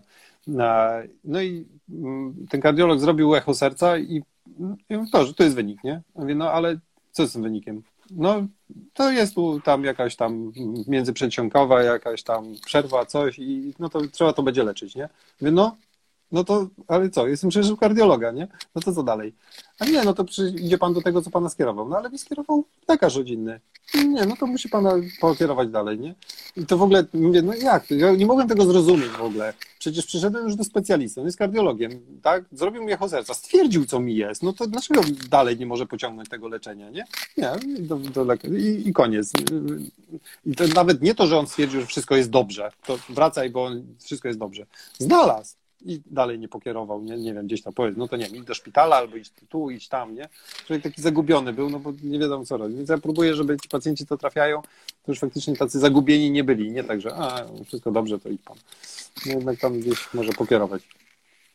Znaczy, no, ja też akurat tutaj nie chcę wchodzić na ten grunt, bo niestety często się zdarzają pacjenci, którzy trafiają od, od lekarza i, i tam ta opieka nie była powiedzmy na tak wysokim poziomie, jak powinna być. Nie? Także to, tak jak w mojej branży, no, też są, też są fizjoterapeuci lepsi, gorsi. Jasne, no, jasne. Ale to no, jest... Ja mam świadomość, że na, na, nie zawsze nasza, nie, moja opieka pewnie też nie zawsze, pewnie znajdę tam całe setki pacjentów, którzy powiedzą, a to tam dringa w ogóle nic nie zna. A, i, i, no tak, no ale trzeba przynajmniej się starać, żeby to jakby ograniczyć ograniczać i jakby no, jak, jak, jak, najlepiej robić to, co się umie najlepiej, no, tak mi się wydaje. Dokładnie. A jeszcze wróćmy do tematu. Jeśli chodzi, bo rozmawialiśmy o kończynie dolnej, bo to jest bardzo częste, e, jeżeli chodzi o dzieciaki, a jeżeli chodzi o kończynę górną, czy jeżeli chodzi o przeciążeniowe urazy, czy, czy w ogóle urazy kończyny górnej? Hmm, tak, no ja nie mam jak, znaczy swego czasu jak tam dużo działałem z pływakami, to oczywiście dziecięce barki to, były numer jeden i tutaj można oczywiście powymieniać parę rzeczy, które, które się zdarzają u pływaków, a, czy to problem bicepsa, czy e, e, osakromiale, tak, czy jakby nie, nie, niezrośnięcie się wyrostka barkowego w porę, aczkolwiek no, teoretycznie nawet do 20 któregoś roku życia może się zrastać. Wiemy o co chodzi, tak, czy jakby mamy wyrostek barkowy, albo może nie wiemy wszyscy, to powiem, wyrostek barkowy, to jest tutaj, jak się u dziecka tworzy, to ma kilka jąder kostnienia, tak? Czyli jakby ma poszczególne takie miejsca, które mm, z chrząstki przerabiają jakby tą część szkieletu z chrząstki na kość. I teraz one w pewnym momencie, gdzieś tam chyba z 5 czy 6 jest, tak, różne się nazywają, i teraz, żeby stworzyć jedną kość, to one w pewnym momencie muszą się połączyć. Nie? Jest taka, taka, taka hipoteza, że jeśli barkiem mocno ruszamy, a pływak trochę rusza tym barkiem, to to pracuje, ten wyrostek barkowy cały czas może pracować i może nie dojść do wzrostu pomiędzy poszczególnymi jądrami kostnienia, tak? Czyli na przykład pomiędzy tam mezo a teloakromionem może nie dojść do, do wzrostu i mamy dodatkową jak gdyby, czy część wyrostka barkowego nie jest przyrośnięta do reszty, czy do grzebienia. Czyli mamy tak zwane osa kromiale, czyli taką kość, która jest częścią wyrostka barkowego. No i to boli, ponieważ do tego się przyczepia mięsień naramienny, który ściąga e, tą, jakby ten nieprzyrośnięty wyrostek do grzebienia, ściąga do dołu i zmniejsza przestrzeń podbarkową. Tak? I człowiek podnosi rękę, napina mięsień naramienny, zamiast się podnieść ręka, to się daszek przyciska, tak? No i stożek tam się wtedy przygniata. Robi się stan zapalny i tak dalej. No i jakby to są, ale to jest jakby, jakby taka patologia, którą spotykamy w zasadzie u pływaków, tak? I w literaturze jak się poszuka, to jest trudno znaleźć przypadek opisany nie u pływaka, tak? Czyli jakby to jest jakby dosyć taka choroba zawodowa, można powiedzieć, dziecięca, czyli jakby tych, którzy od wczesnych lat tam zaczynają pływać. Natomiast e, myślę, że dzieci to częściej, e, jeśli chodzi o ręce, to to mniej przeciążeń, a ostre rzeczy, tak? Czyli wywrotki i to są wszystkie nadgarstki, przedramiona, połamane trzony i, i, to przychodzi im bardzo łatwo. Wystarczy w szatni nawet wyrżnąć o ścianę i już jakby przedramię jest ugięte. Nie? I, i, I, myślę, że tu jest temat największy, jeśli chodzi o dzieciaki. No bez powodu tam jakby gipsów przedramiennych najwięcej schodzi w ambulatorium, więc, więc tu myślę, że, e, że, że to jest numer, numer jeden ambulatoryjny. A jeszcze tak a propos gipsu, e, to jesteś zwolennikiem klasycznego gipsu, czy teraz tego nowego syntetycznego, czy jeszcze jakiejś innej opcji, jeżeli chodzi o ortezę na przykład, jeżeli chodzi o dzieci? dzieci? Ja ostatnio jestem fanem e, gipsu, który się nazywa HM Cast i to jest, e, to jest taki, e, kurde mam na górze, bym pokazał jak to wygląda fajnie. Ale kto tam będzie chciał, to może wejść na jakieś moje tam strony, to na pewno znajdzie, bo ja dużo o tym mówiłem, nawet cały podcast kiedyś z jednym doktorem nagraliśmy o, o, o tym HM Castie. To jest o tyle, znaczy uwaga, bo to jest, znaczy każdy gips jest trochę do czego innego, tak, i ma inne zastosowanie, więc jakby to nie jest tak, że jeden i koniec, już nie mamy, bo czasem zastosowanie ma taki sypany gipsowy z nida gipsu, a czasem, a czasem jakby możemy sobie zastosować zupełnie inne, nowoczesne, lekkie i przewiewne, ale do takiego jakby w dużej mierze leczenia ostrego, to robimy w ogóle łuski tylko coś, bo to może spuchnąć, może coś i tak dalej, więc jakby postępowanie na ostro jest troszeczkę inne, natomiast takie postępowanie docelowe, kiedy już możemy, nie wiem, tam jakby to unieruchomienie kontynuować, już jest pod spodem bezpiecznie, wiadomo, że to tam się już, nie wiem, nie będzie puchło i tak dalej, no to możemy stosować gipsy, które są wygodne po prostu, tak, których od biedy można się wykąpać, które nie będą śmierdzieć, które są przewiewne i tak dalej. I takim właśnie jest jakby, no trochę reklamy zrobię, e, HMcast, e, który jest taką ażurową siatką, tak, to jest jakby wygląda z wierzchu jak sweterek e, kupiony na krupówkach, zresztą ma fajny taki wzorek też. I, i to jest fajne, fajne unieruchomienie, same takie miałem przez ostatnie 4 tygodnie, E, która e, pozwala nam, nie wiem, zrobić sobie dziurkę gdzieś tam na dodatkową stymulację, nie wiem, chociażby egzogenem, e, która no, jest w stanie nawet na nodze nie śmierdzieć po, nie wiem, okresie unieruchomienia 3 czy 4 tygodni, ponieważ można się wykąpać w nim, tak? Nalewa się wannę, do, do, wanny, do wanny wodę, człowiek się wykąpie, w piance on pachnie potem elegancko, że tak powiem, płynem do kąpania, trzeba prze, przepłukać, wysuszyć i jest ok, tak? Moja córka, jak tam 3 lata temu złamała w pierwszy dzień szkoły właśnie w szatni e, rękę, gdzie jeszcze było przez cały miesiąc super gorąco, to ona w tym gipsie wszystko, pływała, chodziła na basen, jakby w ogóle nie było znaczenia. Zresztą ja w tym gipsie też byłem ostatnio, znaczy jak jeszcze miałem gips i jeszcze były baseny, to, to też na nim byłem. E, więc e, wygodne są, tak? No bo w takim zwykłym gipsowym czy jakimś tam innym betonowym, no to nie pójdziemy na, na basen, więc tą aktywność mamy, mm, ta skóra jest taka, jaka jest, nie? A tu się zdejmuje i ta no, ręka wygląda jak kiedyś, nie, nie, ma, nie, ma, nie ma różnicy. Więc jakby są fajne, nowoczesne rozwiązania i wcale one nie są jakieś specjalnie drogie, więc można używać i, i, i, i naprawdę super. Natomiast czy ja jestem zwolennikiem całkowicie unieruchomień? No, oczywiście jestem zwolennikiem leczenia celowanego, tak? Czyli jakby jest złamanie, które trzeba unieruchomić, no to sorry, no to nie da się tego unieruchomić w ortezie, bo będzie się ruszać i nie zgoi, tak? Albo się goiło dwa razy dłużej. Natomiast e, jak mamy skręcenia, no to dyskusja na całe następne dwa inne spotkania webinarowe, pewnie ten temat rzeka, nie? No tutaj, e, jeżeli chodzi, chodziło mi bardziej o właśnie te złamania, bo tutaj skręcenia to jest naprawdę bardzo dużo e, tak, koncepcji, tak, jeżeli tak, chodzi o postępowanie. Tak, tak, nie ma jednej na pewno nie wiadomo, która lepsza, natomiast tak, złamanie nie, nie, gipsy, gipsiki, ale takie, które, gips, który najmniej u, u, jak gdyby umęczy, u, u, jakby z, obrzydzi funkcjonowanie, nie, i najmniej przeszkadza w funkcjonowaniu, no to takie idealnie są, takie, takie są, nie. Szczególnie są fajne na lato, nie, gdzie są duże ograniczenia, człowiek by, nie wiem, gdzieś tam przed pomoczył coś, ale nie może. A jeszcze tak zapytam ze strony praktycznej, czy yy, lekarz bierze pod uwagę to, że na przykład jest pacjent mniejszy, a musi mu tam założyć, nie wiem, ten gips 3 kilo na przykład, a on po prostu yy, zamiast yy, sam ten gips zrobi potem więcej, więcej szkody, nie? Noszenie tego gipsu na przykład na ręce przez temblak czy jakieś inne rzeczy, to, to no, potem też może zrobić Znaczy, powiem tak, jakby ja bym chciał, żeby każdy brał pod uwagę, tak? Natomiast uwaga, nie każdy pracuje w miejscu, gdzie może zrealizować nawet e, taką jakby formę e, postępowania, nawet jakby chciał, tak? No bo nie wiem, jest na izbie przyjęć, gdzie jest gips taki biały i koniec, i nie ma wyboru, tak? Nawet pacjent jakby chciał sobie kupić taki, to nie ma jak, nie ma gdzie, nie ma kiedy i, i dostaje to, co może dostać, tak? Jak jesteśmy w miejscu, gdzie e, możemy sobie wybrać, tak, bo mamy taką możliwość, mamy taką, możemy taką, no wiadomo, że jest łatwiej wtedy i, i, e, i możemy wtedy być, nie wiem, e, super tacy elastyczni i dobrać sobie, ok, tutaj jest maluch, który tam wiadomo, że, że no nie podniesie gipsu, który waży drugie tyle co on, no to nie stosujemy takiego, nie? Natomiast u dzieci raczej jakby różnica pomiędzy, bo, bo wbrew pozorom małe dzieci wcale sobie źle nie radzą z ciężkimi, z ciężkimi gipsami, natomiast e, jakby trzeba pamiętać, że inaczej się takie gipsy troszeczkę zakłada, tak? Bo dzieci małe mają mniej tych wszystkich, taka rączka wygląda jak rurka, nie? I jakby założenie gipsu na prostą rurkę to powoduje, że taka rurka, z tej rurki ten gips się zsuwa po prostu, nie? Co innego rączka dziecka i co innego jakby tu się u nas na nadgarstku wszystko będzie trzymało, nie? A u takiego dzieciaka on wysunie tą rękę od razu, więc jakby te gipsy się inaczej zakłada. U małego dziecka się nie zakłada gipsu przedramiennego, bo po prostu on wyjmie tą rękę, nie? Trzeba za założyć, to zgięty, nie? Żeby się nie dało zsunąć, więc jakby są inne, inne te.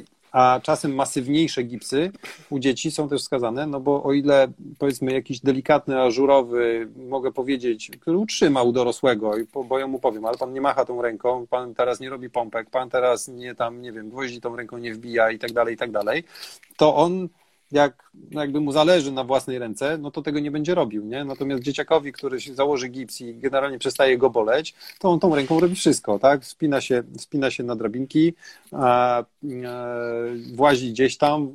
Pamiętam takiego chłopaczka, który tylko wyszedł, taki dostał gipsowy, naprawdę taki masywny ten gips, ale ja wiedziałem, no, ojciec powiedział, niech mu pan zagipsuje, bo on robi wszystko, nie?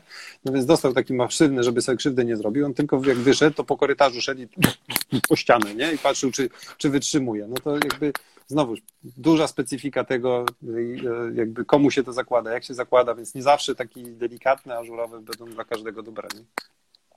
Znaczy, no ja tu pytałem o taką sytuację idealną, że mamy wybór. Bo... Jak jest, I... Tak, mamy to, tak, to stosujemy no. nowoczesne. I to nie tylko, bo nie jeden HMKS, oczywiście są inne, są jakby teraz jakby drukowane, są jakieś tam elementy takie w ogóle termoplastyczne, które, które zakładamy, które się dopasowują. Natomiast jakby dobrze zwrócić uwagę na to przy funkcjonowaniu, przy zakładaniu, czy przy stosowaniu takich rzeczy, jaka jest e, jakby dostępność tego szybkość, bo bardzo dużo to jest takich, że te termoplastyczne, tam jakaś specjalne podgrzewanie tego, to trwa tam 20 minut, potem to trzeba trzymać ileś, nie? Dopasowywać. Jakby kto ma czas, żeby tyle siedzieć przy tym, no to by trzeba było zlecić komuś, nie wiem, zakładowczowi, nie wiem, musiałby być plastikarz, żeby dla odmiany do gipsiarza, który to będzie zakładał specjalnie, nie? Natomiast e, te rozwiązania, które są szybkie, które ja, nie wiem, jest pacjent, jest potrzebuje, tak, no to siada, ciach, wyciągamy z woreczka, zakładamy, to zastyga w parę sekund i już, koniec. Nie? To jest wygodne i jakby szybkie i jednocześnie komfortowe, więc takie rozwiązania na pewno są preferowane. No a z kolei takie, które też kiedyś tam oglądaliśmy, że możliwość, o tu dopasowane, do wydrukowane i w ogóle i super, nie? No ale przez cztery dni pacjent musi być zabezpieczony w czymś innym, no tutaj się ściąga jakąś tam miarę kopyto, na podstawie którego się tam to dopiero drukuje i dopiero po paru dniach można to wymienić. No to kto, kto to zrobi, nie? Kto, kto tam zmusi, że pacjent teraz za cztery dni, a teraz i tak mu trzeba jakiś inny gips założyć, no bo coś, nie? I on tam przyjdzie dopiero będzie dopiero coś zmieniał. Myślę, że to oczywiście pewnie bardziej rozwijany alfabet, też, też technika i jakby szybkość tego, i nie wiem, ktoś stawia drukarkę, proszę bardzo, 5 sekund się drukuje i zakładamy. No dobra, pewnie doczekamy się też takiej rzeczy. No, na takie rozwiązania pewnie trzeba będzie poczekać z, z 2-3 lata, bo to jeszcze, jeszcze ten druk 3D, myślę, że już idzie coraz lepiej z tym, ale to jeszcze nie, nie ten poziom chyba. Na pewno, na pewno tak, ale jakby, jakby nasze, nasze, nasze postępowanie, nasze możliwości i, i, jakby pogląd na świat się bardzo szybko zmienia. Dowód ostatni rok, jeszcze pół roku czy dwa lata temu, jakby, jakbym komuś powiedział, że nie wiem, mam telewizyt w tygodniu pod 20, to tylko na gdzieś tam Flintstonach albo innych tych takich kreskówkach było, nie? Telewizyty i tele tam ćwiczenia, a dzisiaj jakby prawie chleb powszedni, więc jakby no, zmienia się to. No, to też jest telemedycyna, to myślę, że to jest kolejny temat dyskusyjny, ale to myślę, że nie teraz. E, ja generalnie, jeżeli chodzi o telerehabilitację, to tego praktycznie nie stosuję, chyba że z pacjentami, których znam i wcześniej z nimi pracowałem i wiedzą, co mają robić, to ewentualnie wtedy e, no ale to też się rozwija, to też jakby u nas jest paru pacjentów na przykład, których nie wiem, gdzieś byli operowani, mieli jakąś fizjoterapię wstępną, a teraz siedzą w Anglii. No i co z nimi zrobić, nie? No to mają jakby to, a tam dostęp żaden, tam wszystko pozamykane też, nie? No i, a jest pokrzyżowym no to lepsza telerehabilitacja niż żadna, nie? Kiedy on tam się włączą, pogadają, zobaczy, jakby fizjoterapeuta go z profilu, okej, okay, dobra, nie, nie doprostowujesz nogi, Weź, nie, ale zejdź niżej, nie? On tego nie widzi, a, a, a jednak to ma duże znaczenie, więc myślę, że jakby tutaj pewnie też jakąś grupę pacjentów można znaleźć, którym, którym taką tele, jakby z braku laku oczywiście, bo lepiej by go było mieć na miejscu, ale jak nie można go mieć na miejscu, no to lepiej tak niż w ogóle, nie? No to w takim przypadku to jak najbardziej to jeszcze można to zrobić, ale jak ktoś dzwoni, nie wiem, że go bolą plecy i no jak nie, tu zrobić test, testy, czy, czy w ogóle nie, jakieś no te to... historie, no pewne rzeczy się da zrobić oczywiście, ale to też jest ograniczenie, nie? To, to na pewno tak, ale już, ale na przykład, nie wiem, ortopeda na telemedycynie, no dużo, no, Lachmana nie zbada, więc jak ktoś mówi, że tam czuje niestabilne kolano, no to ja mogę najwyżej w rezonansie zobaczyć, czy tam ma więzadła, nie? Już go nie zbadam, co może być nie akurat stuprocentową diagnozą, natomiast, nie wiem, na przykład diagnostyka barku, nie mam jakiegoś większego problemu. Stajemy sobie w odległości, ja robię jakiś tam, wymacham, macham coś, patrzę, czy człowiek tam macha tak samo, bierze butelkę, macha tą butelką, a ja widzę, mówi mi, kiedy go boli, widzę, gdzie, gdzie jest w stanie sięgnąć, gdzie nie jest w stanie sięgnąć. I czwarte diagnozy już mam po takim machaniu butelką, więc jakby mm, potem jeszcze przesyła rezonans i już, że tak powiem, na 95% mogę go skierować do operacji, nie widząc go na żywo. Potem, potem można tylko pacjentowi powiedzieć, że... Jakieś że szkoda, szkoda, że tyle machał, jak mógł rezonans wcześniej wysłać, to by było wiadomo, że, jest zerwany. No niby tak, ale czasem ludzie, że tak powiem, mają zerwane, a machają i wcale nie są do, do, do tam powiedzmy coś ich pobolewa, jest zerwane, machają i wcale nie są do operacji, tak? Jeszcze mają odpowiedni wiek, swoje schorzenia i rezonans od razu do operacji, nie? Ale patrzę jak funkcjonuje, daj pan spokój.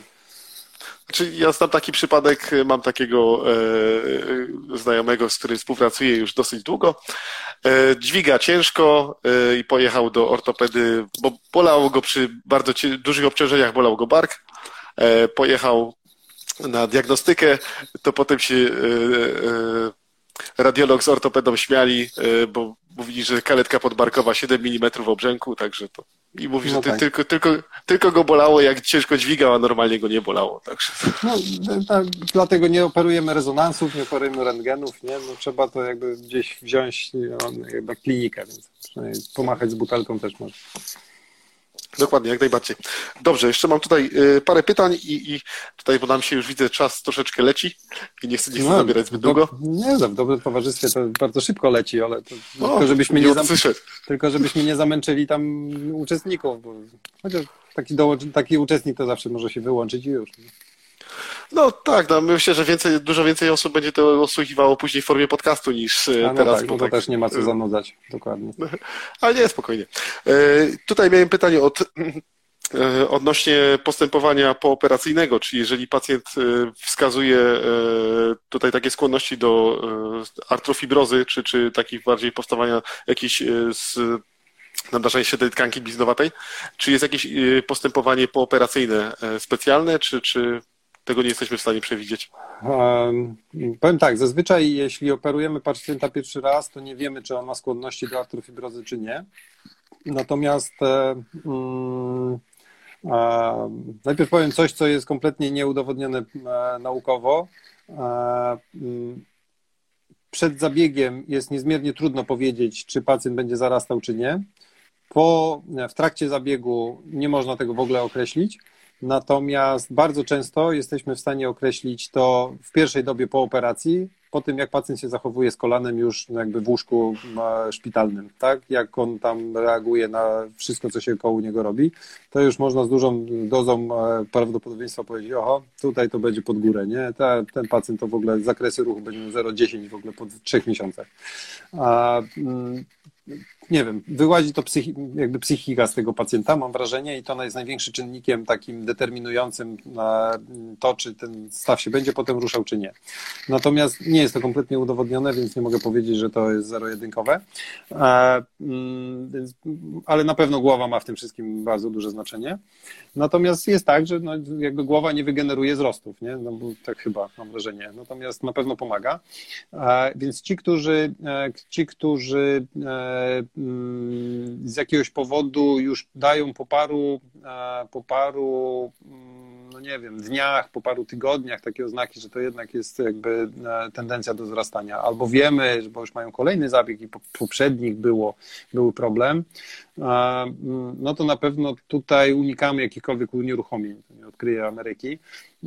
Więc jeśli robimy operację u takiego pacjenta, który wiemy, że będzie miał kłopot, no to nie, to staramy się to zrobić w ten sposób, żeby nie musieć potem go unieruchamiać, tak? Czyli jak, jak mam możliwość jakiegoś tam dodatkowej stabilizacji, wzmocnienia czegoś, zrobienia czegoś na wyrost trochę, co może by nie było normalnie potrzebne, ale u tego się przyda, bo musimy nim, nie wiem, gibać od samego początku i to musi być bardzo mocna, mocna struktura, żebyśmy nie byli uzależnieni od gojenia i jakby tam gdzieś chronienia tego stabilizatorem, no to tym lepiej, tak? Wtedy ruch od samego początku, tylko dobrze by było, żeby ten ruch nie wywoływał bólu, tak? Czyli zabezpieczamy z jednej strony pacjenta lekami przeciwbólowymi, żeby, żeby fizjoterapia dla niego była powiedzmy przyjemna, nie? Bo znowuż ci, którzy się będą spinać, którzy będą walczyć z bólem, którzy będą walczyć z fizjoterapeutą, nigdzie nie dojdziemy. Więc, e, więc e, tak, leki przeciwzapalne, które też hamują tworzenie tego, tak? Czyli jakby gdzieś tam faszerujemy ich od samego początku lekami przeciwzapalnymi. Um, pewnie psycholog by się tutaj też przydał, tak? Natomiast no, tu najwięcej, najwięcej do, do roboty ma fizjoterapeuta świadomy a, i, i, a, i po, odpowiednie poprowadzenie pacjenta tutaj myślę, że jest kluczowe i niejednokrotnie pacjenci, którym się wydaje, którym ja po, nie wiem, na zdjęciu szwów po dwóch tygodniach już jestem załamany, to jak mają fizjoterapeutę naprawdę takiego porządnego, to jest w stanie wyprowadzić. I mimo, że tam jest kupa wzrostów, to jakby koniec końców ja nie muszę tego uwalniać później. A często się zdarza później reoperacja na uwalnianie właśnie takich wzrostów, czy, czy raczej idzie się w stronę tej rehabilitacji i ruchu? Mm, zdarza się. Czy to jest bardzo często? Na szczęście nie. Tak? To nie jest odsetek, nie wiem, 5-10%, to jest, nie wiem, jak ktoś robi 300 zabiegów w roku, to ma jednego, dwóch takich pacjentów pewnie, tak? A, mm, więc nie. Oczywiście tutaj trzeba wziąć też pod uwagę te jakby różne kwalifikacje do zabiegu, tak? Bo jeśli na przykład, nie wiem, mamy pacjenta, no, takie najbardziej oblatane, krzyżowe po świeżym urazie, no to e, mamy literaturę na to, że jak robimy to w, nie wiem, po siedmiu dniach, kiedy już ten stan zapalny się tam dobrze, pierwotny po urazie rozwinął i my tutaj teraz wchodzimy z drugim urazem po paru dniach i kiedy te, te, te, te, te stany zapalne, to wszystko się nakłada, generujemy wtedy dużo większą szansę na to, że to kolano będzie zarastało, niż wtedy, kiedybyśmy poczekali na spokojnie, wyciszyli ten stan zapalny, potrzymali go troszeczkę na, na lekach przeciwzapalnych, wdrożyli mu przygotowawczą fizjoterapię tak, żeby to kolano rozruszać, coś, no już i tak nie ma tego krzyżowego, wzmacniamy mięśnie, zakresy ruchomości i tak dalej i na spokojnie tam, nie wiem, po miesiącu, po sześciu tygodniach sobie go operujemy, tak? I wtedy on bardzo łagodnie przez to przechodzi, więc jakby od razu zmniejszamy ryzyko atrofibrozy. Natomiast czasem nie mamy wyjścia, tak? Bo ktoś przychodzi po siedmiu dniach, kolano zablokowane, łąkotka zwichnięta i nie ma czasu na to, żeby czekać teraz sobie cztery tygodnie i go ćwiczyć, rehabilitować, tak? I zniszczyć tą łąkotkę do kupy, do całkiem, no bo po, zwichnięta łąkotka, która blokuje ruch, no to jest do uratowania, to jest najlepiej gojący się element jakby z tej całej układanki, tak? Więc absolutnie tutaj będę groził palcem, proszę nie wyrzucać z zwichniętych łąkotek, tylko je ratujemy, szyjemy, bo one są super do gojenia. E, I, e, no i wtedy trochę ryzykujemy, że ten pacjent, no może nakładamy te stany zapalne, ryzykujemy, że ten pacjent może nie pójść dobrze, no, ale no to znowu wtedy od razu wiemy, lek przeciwzapalny trochę wbrew sobie, no bo trochę hamujemy gojenie wtedy tego, co byśmy chcieli, ale ruch od razu, no to krzyżowe to już tam no, robimy takie, że ja wiem, że to w zasadzie może od razu przysiady robić na nim i, no i lecimy z ćwiczeniami, tak, nie pozwalamy pacjentowi, że a dobra, to on przyjdzie za trzy tygodnie na fizjoterapię. No, to w ogóle nie, no to w ogóle ściągamy go tam, przykuwamy do, tego, do tej fizjoterapii. No tutaj akurat w przypadku krzyżowego to jest, ta szybka interwencja jest bardzo ważna, nie? jeżeli chodzi o y, powrót do, do pełnej sprawności. A jeszcze zapytam odnośnie krzyżowego u dzieci, bo to pewnie też się ja może inaczej, ja znam sporo osób, co w wieku 14-16 lat już są po, znaczy mieli uraz i są po, po operacji. E, czy jest duże ryzyko, bo też się z tym takim pytaniem spotkałem, czy jest duże ryzyko, jeżeli chodzi później o wzrost kostny e, w przypadku takiego zabiegu? Mm, temat znowu już jest w ogóle na trzy godziny gadania. Natomiast hmm. tak, u dzieci to, co szczęśliwie, jeśli można powiedzieć o urazach, że są szczęśliwe, ale u takich mniejszych dzieci szczęśliwie, to nie urywa się więzadło, tylko się wy, wy, wyrywa fragment kostny przyczepu piszczelowego albo udowego zdecydowanie częściej przy, jakby na kości piszczelowej. Wtedy mamy tak zwane złamanie wyniosłości międzykłykciowej i to jest dokładnie cały wyrwany przyczep więzadła krzyżowego przedniego, prawda? No i to jest do szybkiej operacji, do jakby przymocowania tego na miejsce e, i tak naprawdę nie ma wtedy problemów więzadła na przyszłość. Oczywiście można się tam dyskutować znowu, że jak więzadło szarpnęło i wyrwało przyczep kostny, to co ono jest warte jeszcze teraz, nie, że ono na pewno też chorowało, no ale ponieważ prowadzimy to troszeczkę po, tak jak po rekonstrukcji, produkcji, więc chronimy to i tak dalej, to ono ma czas, ma szansę na regenerację, tam jest lepsze ukrwienie, jakby jest, e, jest naczynienie, jest pokryte błoną maziową i tak dalej, więc jakby to ma tendencję jakieś tam do gojenia i przebudowy. Natomiast, e, natomiast e, gorzej jest, jeśli u takiego małego dzieciaka, tak, mówię, nie wiem, dziesiąty rok życia, kiedy ma ten wzrost jeszcze intensywny przed sobą, faktycznie zrywa się więzadło. I tutaj jest mocno, mocno zawsze dylemat, czy takiego, takiego, takiego, takie dziecko operować i rekonstruować u niego więzadło już na wstępie, czy może poczekać. Ja szczerze mówiąc z takimi pacjentami mam największy problem. A jeśli oni są mocno aktywni, albo chcą być aktywni, albo w ogóle to no nie jest na pewno mól książkowy, to idziemy w rekonstrukcję, ale rodzice wiedzą, że najprawdopodobniej to nie jest jego ostatni zabieg, tak? Czyli jak gdyby ta jego rekonstrukcja, którą robimy u dzieciaka, kiedy są całkowicie na tkankach miękkich i tak dalej, kiedy wiercimy przez, otwor, przez, przez chrząstki wzrostowe, mm, to najprawdopodobniej jest jego ostatnia rekonstrukcja, czy jego ostatnia naprawa tego kolana. Czy to jest niebezpieczne ze względu na, na, na stopień wzrostu? Jak zrobimy u 7, 6 latka, 5 latka, kiedy tam jest więcej chrząstki wzrostowej niż kości, to ja nie wiem, czy takich chyba odważnych nie ma, to oczywiście możemy zaryzykować, że tam będzie ten wzrost kostny zaburzony.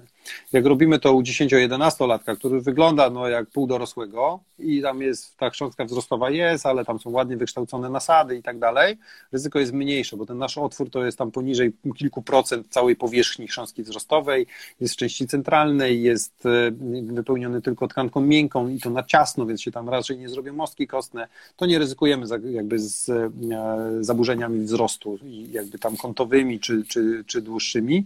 A uwaga, ryzykujemy, że ta noga będzie dłuższa, bo ta noga dostaje urazu. My wiercąc przez chrząstki wzrostowe tam się poprawia ukrwienie, bo organizm to zaczyna goić, no bo chce coś goić, więc jest dużo większa aktywacja układu krwionośnego, więc tam jest jakby turbo włączone i bardzo często takie dzieci kończą z dłuższą nogą, bo chrząstki wzrostowe dostają szwungu większego, tak? I, I, rośnie, więc to jakby wbrew pozorom nie skrócenie, bo będzie zaburzenie wzrostu, tylko będzie wydłużenie i noga może być dłuższa.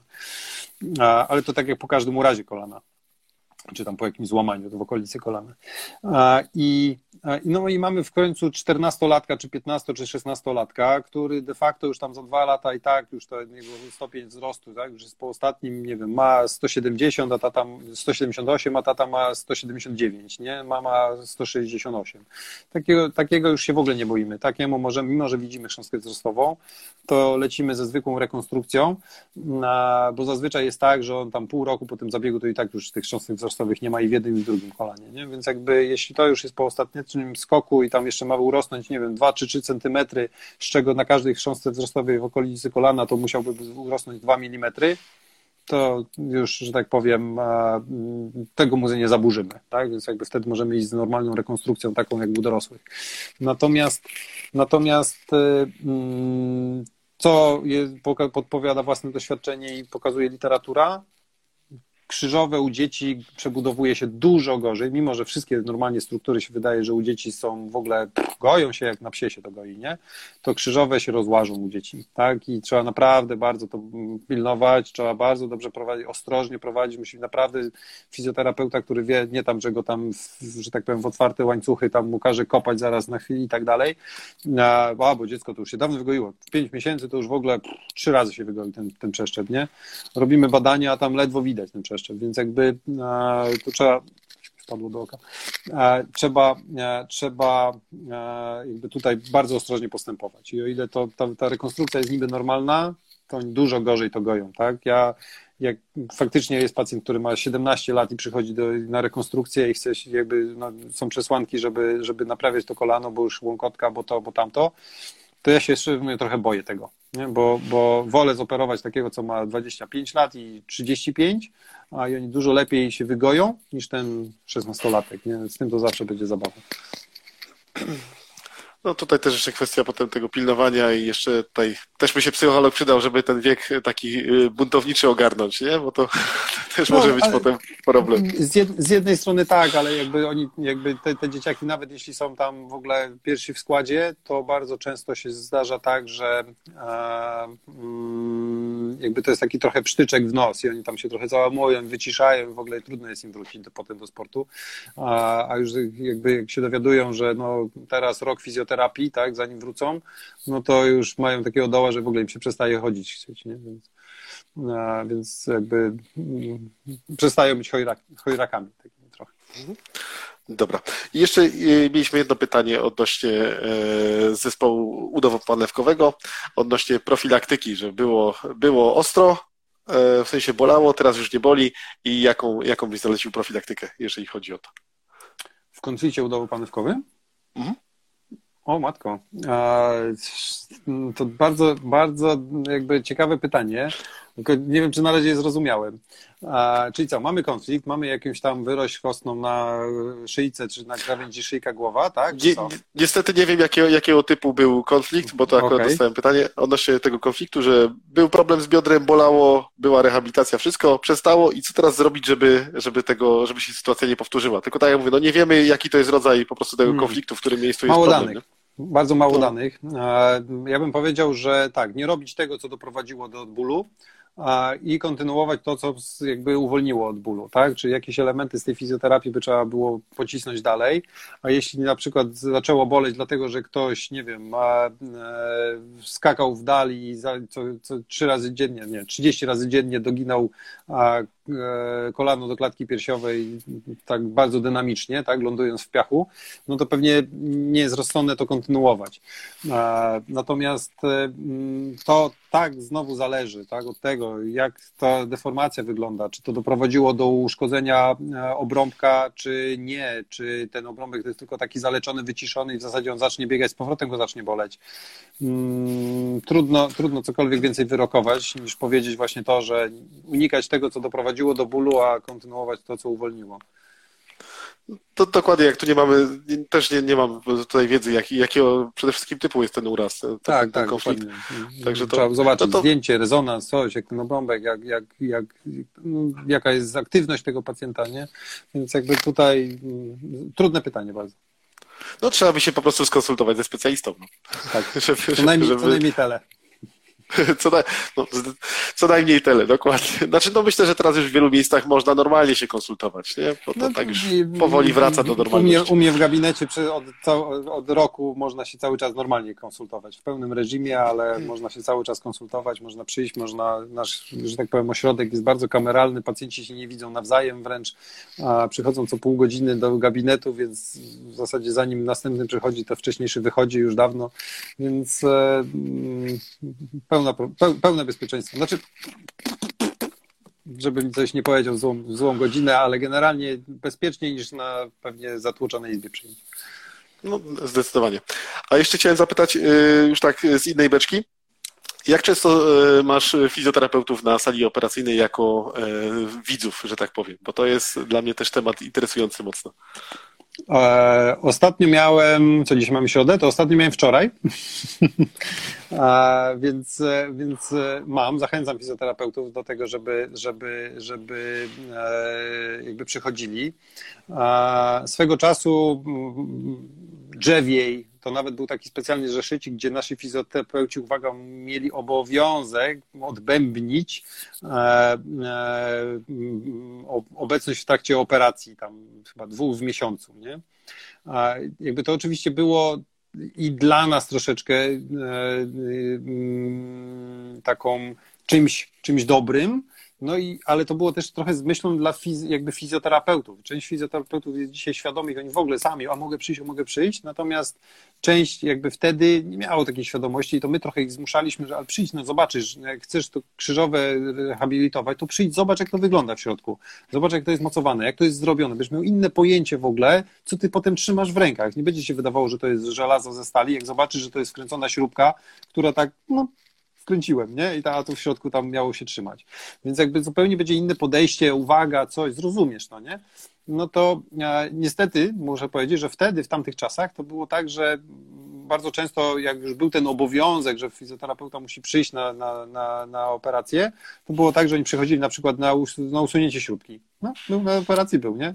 no to nie do końca o to chodziło. Natomiast przyznam, że z, z, z czasem, jakby z, trochę z ich rozwojem, z wiedzą i z fizjoterapeutami, którzy dzisiaj współpracuję, no już mają sami tą świadomość, nie? Już nie trzeba ich zmuszać, nie zakładać zeszytu, że a tu masz dwa razy być, bo inaczej coś tam, nie?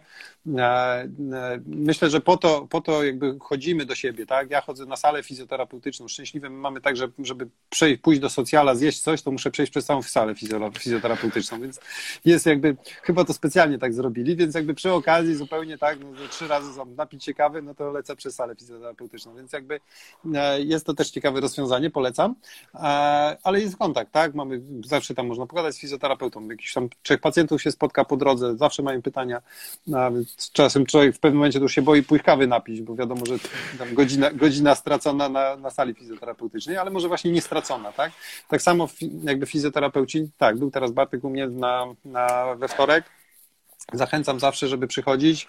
Ostatnim czasem miałem taki przejściowy okres, jakby pracowałem, jakby operowałem gdzie indziej niż pracowałem z fizjoterapeutami, więc jakby trochę był utrudniony ten, ten, ten kontakt. Dzisiaj już jest to zupełnie wyprostowane, więc e, no tak, jakby jeśli tylko fizjoterapeuta chce i może, ma chwilkę, to jakby no, nie, nie musi się zapowiadać nawet, po prostu przychodzi i, i działamy. Znaczy, ja pytam, bo dla mnie osobiście to jest e, super doświadczenie, będąc na sali operacyjnej zyskiwałem bardzo dużo zawsze odnośnie raz samego postęp, postępowania. A... Padaj czasem, nie ma problemu. No, trochę z Bielska Białej, trochę do Otwotka, to jest, jest kawałeczek. Oj tam, oj tam, pendolina trzy godziny i jesteś. No, to myślę, że bardzo chętnie skorzystam z tego zaproszenia, tylko tam trzeba logistycznie to wszystko, e, że tak powiem, tak. ogarnąć. Jasne. E, ale tak, wracając do tego, co, co mówiłem, no, dla mnie to było dużo, dużo większe doświadczenie, a poza tym człowiek widzi, że to nie jest taka delikatna struktura przede wszystkim, tylko no jednak jak w trakcie operacji, jak chociażby tego ACL-a, jak wygląda testowanie samego więzadła po e, zamocowaniu, to, to myślę, że nie, wiele osób się po prostu boi cokolwiek robić, nie? Ja myślę, że, ja myślę, że po, powinno się przynajmniej raz, y, jeśli nie wiem, ktoś tam rehabilituje stożki, to przynajmniej raz powinien być na, na operacji, zobaczyć, jak ten stożek jest przeżywany, nie? Bo już ideałem to w ogóle, coś, co kiedyś było moim marzeniem, żeby na przykład, e, e, nie wiem, ustalić fizjoterapeutę dla danego e, pacjenta przed operacją, i żeby ten fizjoterapeuta mógł przyjść na operację tego pacjenta. Nie? On wtedy wie, jak u tego pacjenta było zrobione. Nie, że jak generalnie się robi, ale jak było zrobione, bo to przecież za każdym razem się robi inaczej. Więc żeby jak było u niego było zrobione, nie? jak to wyszło, jak to się dociągnęło, jak to funkcjonuje. Niech on nawet niech, może się umyć, poruszać tą ręką, coś, zobaczyć, jak to tam pracuje. Nie? To w ogóle są takie rzeczy, które, e, które no, są generalnie dostępne i, i byłoby, byłoby świetnie. Natomiast oczywiście jestem świadomy obstrukcji trochę czasowych, grafików, no bo tego, a ten operacja, ona kiedy, a nie, to wtedy mam pełen full grafik, nie, to nie dam rady. Więc jakby, ale byłoby fajnie, byłoby na pewno idealnie i pewnie z korzyścią dla wszystkich. Znaczy, ja osobiście miałem kilka takich przypadków, gdzie po prostu przez e, to, że się nie, nie boję pytać, e, szedłem za pacjentem z, po prostu e, na, na, na salę i widziałem, jak to tam było zrobione. Także no, super. To, to, jest, to jest fajne, fajne doświadczenie, naprawdę. Dobrze. Y, myślę, że tutaj wszystkie tematy, które chciałem zapytać, to zapytałem. Chciałem zapytać jeszcze, jakie masz plany rozwojowe na przyszłość, jeżeli chodzi o, o i własne, i instytut? O. Instytut musi się, znaczy to jest taka, jest instytut i jest klinika, więc jakby, jakby takie trochę na dwa fronty ciągniemy, tak, bo mamy dwa miejsca, jedno to jest bardziej fizjoterapeutyczne, drugie jest szpital ze wszystkim, tak, i fizjoterapia i operacje i tak dalej, więc jakby bardziej wymaga rozwoju klinika, no i tutaj jakby budujemy zespół w tej chwili, tak, jakby ściągamy lekarzy, jakby pojawiają się coraz nowi fizjoterapeuci, ale w ogóle ten generalnie ten, ten, ten zespół się tworzy. Ja mam takie dosyć surowe wymagania co do, e, e, co do e, jakby zespołu, bo musimy się lubić jeszcze. Oprócz tego, że współpracować, musimy się lubić, robić jakby gdzieś tam jakby trochę z, nie powiem już z pasją, ale, ale żeby, żeby, żeby, żeby się i fajnie dogadywać i żeby z przyjemnością przychodzić jakby i, i podziałać, pogadać o czymś i tak dalej. Natomiast, natomiast, więc jakby plany rozwojowe kliniki to jest jakby tworzenie zespołu w tej chwili, który, który będzie się dogadywał, który będzie tam no, zapełniał to coraz mocniej e, jakby swoją obecnością i swoimi pacjentami. Natomiast moje rozwojowe plany to jest e, e, po miesiącu nieobecności mam nadzieję, bo właśnie teraz to wszystko się działo, otwieranie i tak dalej, to mam nadzieję, że powrót na mały szklany ekran, bo, bo od miesiąca nie wrzuciłem chyba nic oprócz paru zdjęć i, i już ścierpię z tego, więc fajnie, że się spotkaliśmy, bo to mnie trochę zaprzęgło do tego, że o dobra, wracamy, wracamy do, do, do działalności pasjonaty, e, ale już coraz więcej jest rzeczy poustawianych w setupie, już coraz mniej tam muszę spędzać czasu przy, na rozmowach, więc mam nadzieję, że to się uda. Natomiast e, moje plany rozwojowe to jest takie trochę zawężenie się. Chyba nie chciał mówić, w którym kierunku. No nie ma co zdradzać, bo to nie ma, nie ma konkurencja nie śpi konkurencja nie śpi, właśnie, to jest jakby, to jest jedna rzecz, a po drugie głupio mi by było potem za rok powiedzieć, że nic mi z tego nie wyszło, a, więc, e, ale tak, będę się zawężał, ale mogę powiedzieć, że to będzie w bark, natomiast bardzo specyficzna rzecz, więc jakby zobaczymy, którym to pójdzie, mamy już pewne plany, założyliśmy już takie stowarzyszenie małe, e, trzyosobowe, e, tajemnicze, które ma specjalną nazwę już pod to i, i, i ciśniemy, ale tak, to będą barki w bardzo takim niecodziennym wydaniu. No to życzę powodzenia i mam nadzieję, że. O, mam myślę, nadzieję, że, za, za, rok mi się uda powiedzieć, OK, już tam lecimy z koksem i, i, i robimy coś, co jest rzadkie. Myślę, że można odesłać też do odcinków o, odnośnie barku na Ortopedia Moja Pasja. Może tam jest jakaś podpowiedź odnośnie y, tego kierunku rozwoju? E, ja oczywiście odsyłam i zapraszam, jakby, bo, bo tak, ale o tym nie ma ani słowa. To jest coś kompletnie nowego, więc jakby o tym nie ma słówka nawet. Ale trzeba, tak, zobaczyć, myślę... ale trzeba zobaczyć, co jest i wtedy może ktoś, się wy, ktoś wymyśli, czego nie ma. Ale to już myślę, że y, to już muszą ten, już specjaliści odnośnie barku się nad, nad tym zastanawiać. A... No, fizjoterapeuci specjaliści od barków mogą, bez problemu żadnego. Oj, tu kurczę, też ciężki temat, pomimo tego, że y, ja pracuję w, w Bielsku Białej, gdzie no, jest jeden znany specjalista, jeżeli chodzi no, o operację. Najbardziej znany chyba. No, tak mówią, że najbardziej znany. No też nie ukrywam, że akurat jeżeli, jeżeli chodzi o, o problemy z barkiem, to od razu też polecam tego specjalistę. E, ja, to jeżeli ja, chodzi... ja, ja z czystym sercem również. Jeżeli chodzi o. Znaczy, powiem tak, mam jednego pacjenta, który ciężko dźwiga i jest po operacji i dźwiga takie rzeczy, że no, myślę, że ktoś by się za głowę chwycił. Także to.